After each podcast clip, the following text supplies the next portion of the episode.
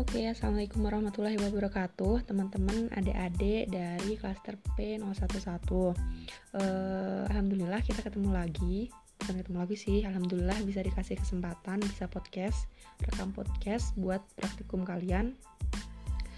Uh, Jadi ini pertemuannya ke-11 uh, Pembahasannya tentang pola-pola komunikasi Sebenarnya ini pola-pola komunikasi sangat-sangat mudah kalau kalian dulu di bab interaksi sosial itu memperhatikan dan belajar. Karena komunikasi sendiri seperti yang kalian tahu dan kalau ingat itu merupakan syarat terjadinya interaksi sosial yang mana bergandengan dan tidak bisa dilepaskan dengan kontak sosial, ya kan? Nah, tapi di bab di pertemuan sebelah sini uh, si komunikasi ini bakal dibahas lagi dengan empat subbab pembahasan. Yang pertama tentang pengertian komunikasi sendiri, yang kedua tentang tipe komunikasi, yang ketiga itu tentang komunikasi dan budaya, dan yang keempat adalah e, komunikasi dengan menggunakan media komputer. Nah, yang pertama dulu kita bahas yaitu tentang pengertian komunikasi. Sebenarnya komunikasi sendiri merupakan proses yang paling penting ya dalam hmm, ber perilaku berkehidupan di masyarakat, di mana komunikasi ini merupakan syarat fundamental terjadinya suatu interaksi.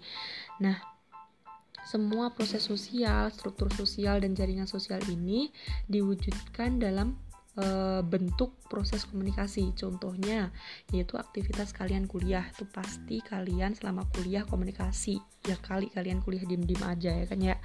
Terus e, kekuasaan, kewenangan, itu biasanya dijalankan dan diapresiasikan melalui bentuk komunikasi di mana apabila semakin tinggi suatu kekuasaan ini maka semakin luas juga jaringan komunikasi yang uh, di apa ya dipegang hmm, bukan dipegang sih yang dialami gitu yang dialami oleh seorang penguasa yang mana setiap penguasa pasti memiliki uh, distrik-distrik tertentu sehingga dia harus menyampaikan pola pikirnya, strateginya, dan lain sebagainya dan itu semua dilakukan menggunakan komunikasi.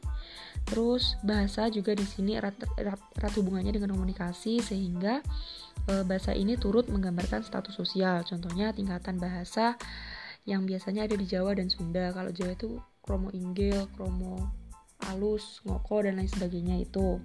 Terus kesimpulan dari pengertian komunikasi ini syaratnya Pertama yaitu minimal ada dua pihak pasti. Ada partisipannya pasti dua pihak, si pembawa dan si penerima informasi. Terus yang kedua, informasi yang dibawa harus ada yang akan dipertukarkan dan yang paling penting nih harus harus diingat nggak boleh ketinggalan kalau ujian adanya informasi baru yang dihasilkan. Misal kemarin kita juga pernah ngasih contoh kan ya uh, yang kalau ngobrol itu harus nyambung gitu biar ada uh, informasi baru yang dihasilkan. Kalau nggak nyambung ya ngapain gitu ngobrol gitu mending dim aja gitu. Ya nggak sih? Nah contoh kakak nanya ke kalian uh, apa MPF jadi nggak sih ini gara-gara pandemik nih? Terus kalian jawab nggak jadi kak. Gitu. Tuh jadi adanya informasi baru kalau si apa sih MPF ya? MPF ini nggak jadi Terus unsur komunikasi itu ada empat partisipan, pesan, saluran, dan efek. Partisipan itu tadi yaitu si pembawa dan juga si penerima informasi. Pesannya sendiri itu berupa informasi yang dipertukarkan itu. Terus salurannya itu berupa e, bagaimana si informasi ini disampaikan kepada si penerima informasi. Dan efek-efek ini merupakan dampak setelah terjadinya adanya pertukaran informasi. Kayak misal informasi yang kalian bawa ini informasi uh, yang menyebabkan si penerima ini merasa bahagia. Terus atau mungkin sebaliknya merasa sedih atau mungkin baper atau mungkin merasa ya udahlah biasa aja ngapain juga kayak gitu. Tapi uh, outputnya pasti ada gitu. Terus simbol simbol komunikasi nah komunikasi ini pasti memiliki simbol di mana informasi yang dipertukarkan atau pesannya dipertukar, dipertukarkan ini dikirimkan dalam bentuk simbol. Simbol sendiri ada macam-macam bentuknya. Ada suara, tulisan, ada lisan, gerakan dan lain sebagainya. Nah, simbol-simbol ini e, akan dimaknai oleh setiap masyarakat dan budaya. E, biasanya dalam pemaknaan ini sering menimbulkan persepsi berbeda di masyarakat dan budaya yang berbeda pula gitu. Nah, simbol juga memiliki dua tipe yaitu verbal dan nonverbal. Yang mana kalau verbal ini diucapkan dalam kata-kata, diungkapkan dalam kata-kata e, dalam bentuk tulisan maupun lisan. E, terus kalau nonverbal ini e, bukan kata yaitu dalam bentuk suara, gerakan, dan sebagainya. Terus masuk ke pembahasan kedua yaitu tipe komunikasi. Tipe komunikasi tipe komunikasi sendiri itu ada banyak. Di sini bakal bahas bentuk komunikasi, komunikasi tradisional, dan teori komunikasi dua langkah. Bentuk komunikasi sendiri uh, ada komunikasi sekunder, primer. Kalau primer kalian pasti udah tahu apa banget primer itu uh, tidak menggunakan media atau perantara dalam melakukan komunikasi, sedangkan sekunder kebalikannya. Terus bentuk komunikasi juga dibedakan komunikasi antar individu, komunikasi komunikasi antar kelompok, dan komunikasi massa. Komunikasi individu itu terjadi antara antara individu satu dengan individu lainnya.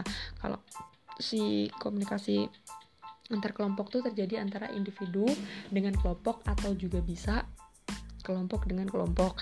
Dan komunikasi massa ini e, penyampaiannya e, ditujukan memang disengajakan ditujukan kepada kalayak umum atau anonim yang gak kalian kenal. Ya udah emang e, gua ngebiarin ini informasi dilihat sama semua orang gitu gak tertentu satu kelompok doang atau cuma uh, satu individu doang gitu. Terus karena adanya komunikasi masa ini muncul adanya suatu teori namanya teori komunikasi dua langkah yang mana dalam penyampaian komunikasinya membutuhkan media massa dan opinion leader. Nah, media massa ini sebagai uh, tempat penyaluran pertama suatu informasi itu dan opinion leader ini yang menyaring informasi dari media massa yang kemudian disalurkan kepada masyarakat.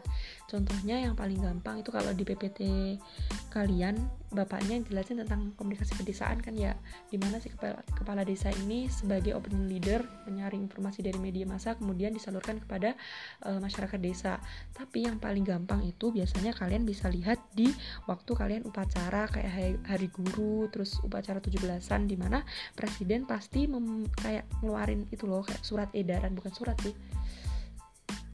Apa ya? Ya ya surat. Nah surat edaran yang biasanya tuh berisi sambutan atau pesan kesan bukan kesan pesan-pesan e, kepada e, masyarakat yang dituju gitu.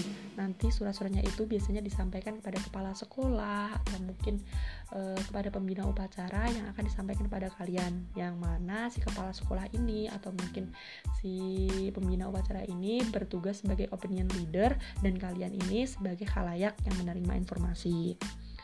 Terus masuk ke pembahasan tiga yaitu komunikasi antar budaya.